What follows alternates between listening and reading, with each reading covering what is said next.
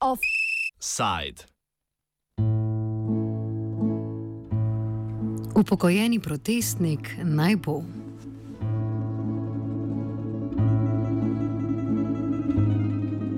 Na Evropskem trgu v Zagrebu je v soboto pod vodstvom treh zveh sindikatov proti pokojninski reformi protestirala več tisoč glava množica. Predvidoma reforma trenutno stanje pokojninskega sistema najbolj spreminja v treh točkah. Prva sprememba predvideva zvišanje penalov za prezgodnjo upokojitev, druga znižanje dodatka na pokojnine, financirane iz drugega pokojninskega stebra. Tretja pa predvideva uveljavitev zvišane starostne meje 67 let, dve leti kasneje, kot je uzakonjeno sedaj, torej šele leta 2033. Sindikati ne protestirajo le proti predlagani reformi, moti jih ureditev pokojninskega sistema kot takega, saj ta ne pomeni vzdržnega razmerja med aktivnim prebivalstvom, ki vplačuje pokojninski sklad, in upokojenim prebivalstvom. Darko Šeperič iz Zveze svobodnih sindikatov Hrvaške opiše sistem treh pokojninskih stebrov. Mirovinski sustav u Hrvatskoj sada se sastoji od tri stupa, to je reforma koja je provedena krajem 90. godina, stupila je na snagu početkom 2000-ih i sastoji se znači od dva obavezna stupa. Prvi stup e, je sustav e, međugeneracijske solidarnosti, znači to je onaj stari sustav kakav smo imali i prije. Međutim, od 2002. godine u njega ide samo tri četvrtine doprinosa, znači 15% plaće odlazi u prvi stup međugeneracijske solidarnosti. Za sve one koji su 2002. bili mlađi od 40 godina i koji su obavezno morali ući u drugi stup, 5% doprinosa mirovinskog se odvaja u taj drugi stup, odnosno na individualne e, račune u tom drugom stupu u četiri mirovinska e, fonda.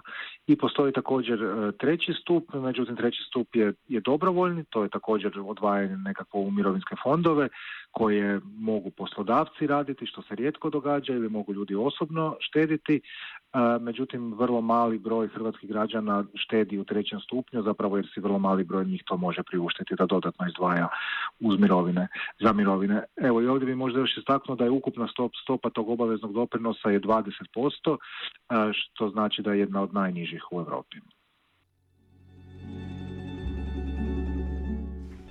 Nasprotniki reforme očitajo, da se ne spopada z resničnimi pokojninskimi problemi, kot sta preniska najnižja pokojnina in problem množičnega izseljevanja mladih iz države, ki je gotovo eden izmed poglavitnih razlogov za primankljaj javnih sredstev za izplačevanje pokojnin. Hrvaška ima nekaj več kot milijon 230 tisoč upokojencev. Razmerje med upokojenci in zaposlenimi pa je 1 proti 1,2 v prid slednjih. Povprečna pokojnina znaša okoli 2300 kun oziroma 309 evrov, vendar več kot polovica upokojencev prejema pokojnine manjše od 2000 kun ali 269 evrov. Razloge za javno-finančni primankljaj pojasni Ljubo Jurčič, profesor na ekonomski fakulteti v Zagrebu. Drugi veliki razlog je što imamo negdje oko 5 milijardi mirovina koje se isplaćuju po povlaštenom sustavu. To su borci jednim dijelom, e, dužnosnici, saborski zastupnici, ustavni suci i neke još kategorije diplomati i tako dalje. Tu isto tako 5 milijardi. I temeljni razlog je što je mala zaposlenost u Hrvatskoj. Znači u Europi je zaposlenost preko 65% od radnog sposobnog stanovništva, a u Hrvatskoj je oko ispod 60%. Znači imamo mali broj uplatitelja u mirovinski sustav, a imamo veliki broj umirovljenika.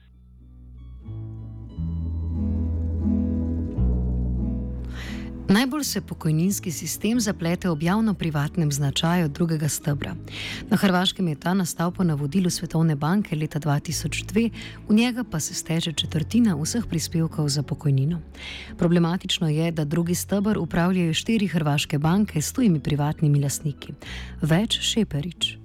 Znači u drugom stupu trenutačno postoje četiri obavezna mirovinska fonda i sa sva četiri upravljaju četiri velike e, banke, hrvatske banke koje su naravno u stranom vlasništvu. E, to je, to je model koji je uveden po receptu Svjetske banke koji je krajem 90. Svjetska banka uspjela prodati nekim e, sadašnjim novim članicama Europske unije, a po uzoru na na poznatu reformu koja je prije toga napravljena u Čileu. To je model i to mi cijelo vrijeme ističemo kakav ne postoji u, u zapadnoj Europi koji nije dio europskog socijalnog modela.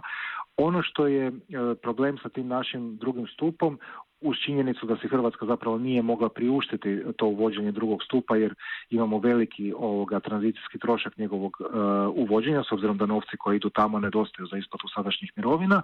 Drugi problem je struktura tih ulaganja Naime, velika većina te imovine u drugom stupu zapravo se nalazi u državnim obveznicama.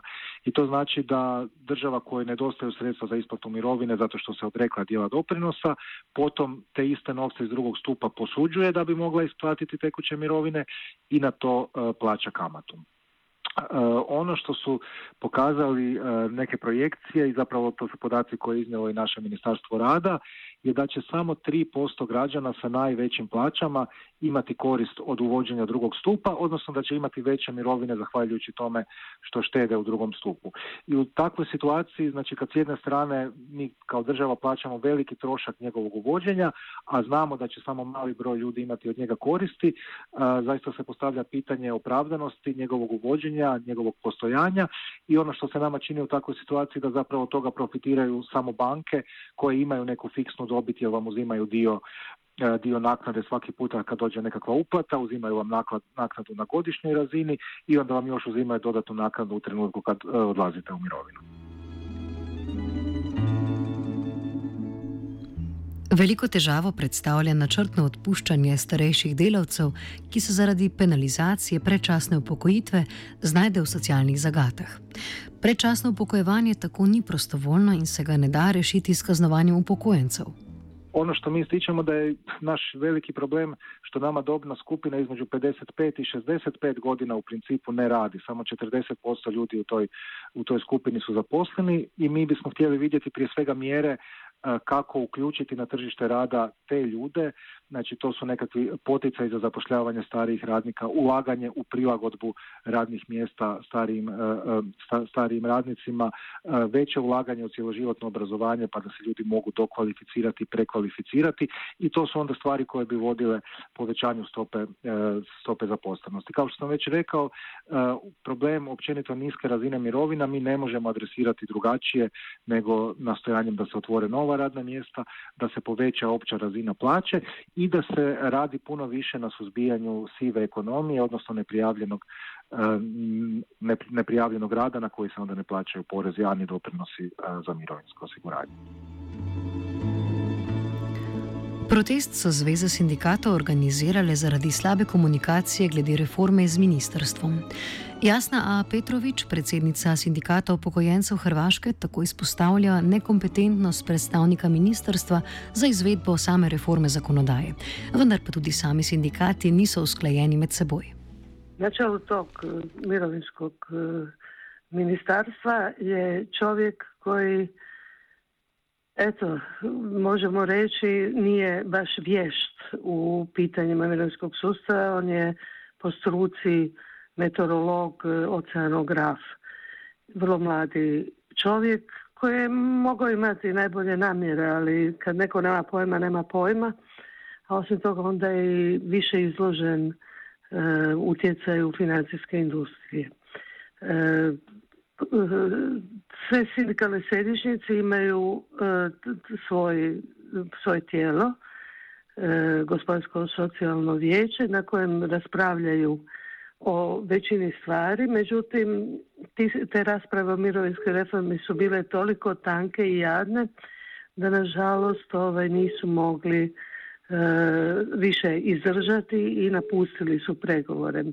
Što se tiče sindikata umirovljenika Hrvatske, čija sam ja predsjednica, mi smo nastavili e, odlaziti na radnu skupinu jer smo po registraciji morali biti udruga, to je još iz Tuđmanovog vremena kada se htjelo oslabiti sindikate, pa je e, jedan potencijalno moćni sindikat eto, ovaj, nije registriran kao što je to u Sloveniji u većini zemalja e, u Europi kao sindikat.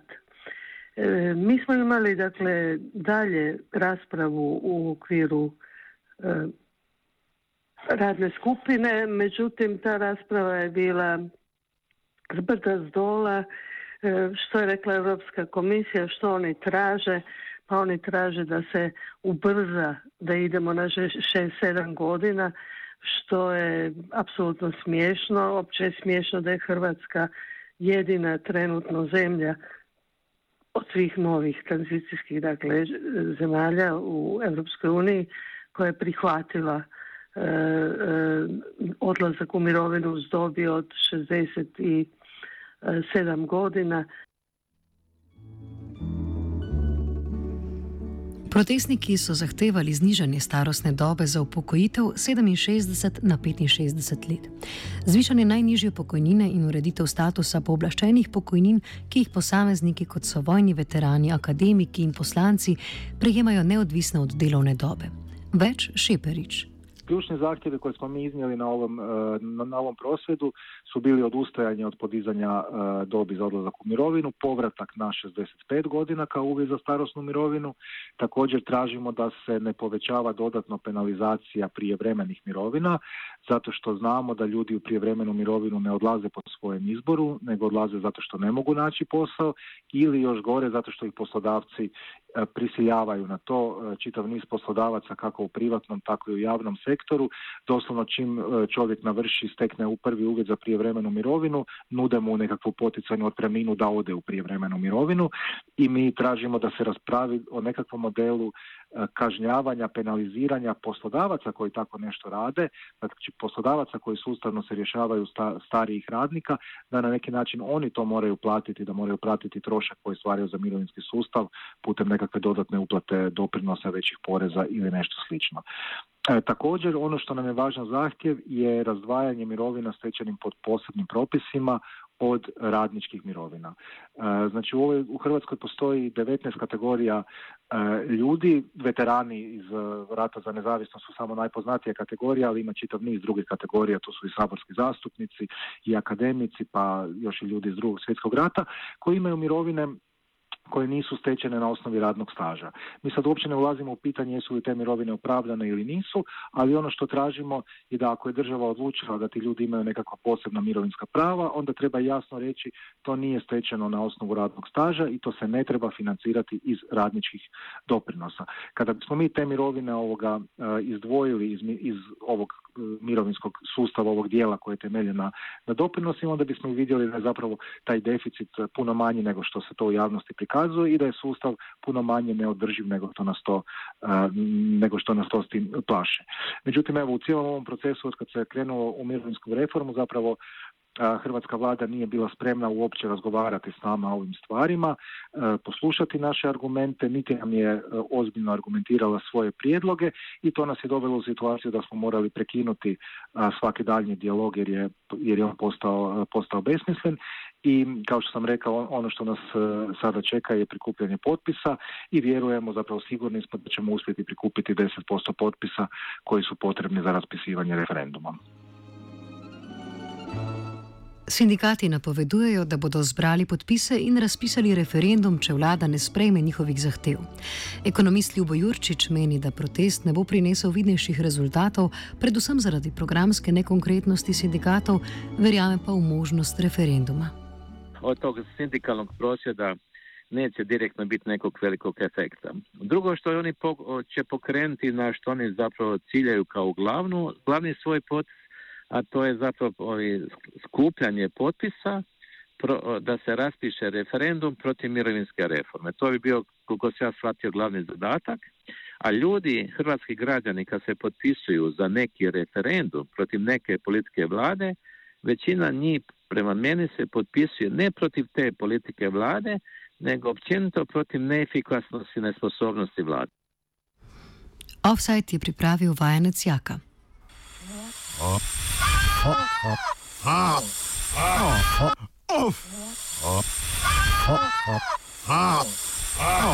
Offside.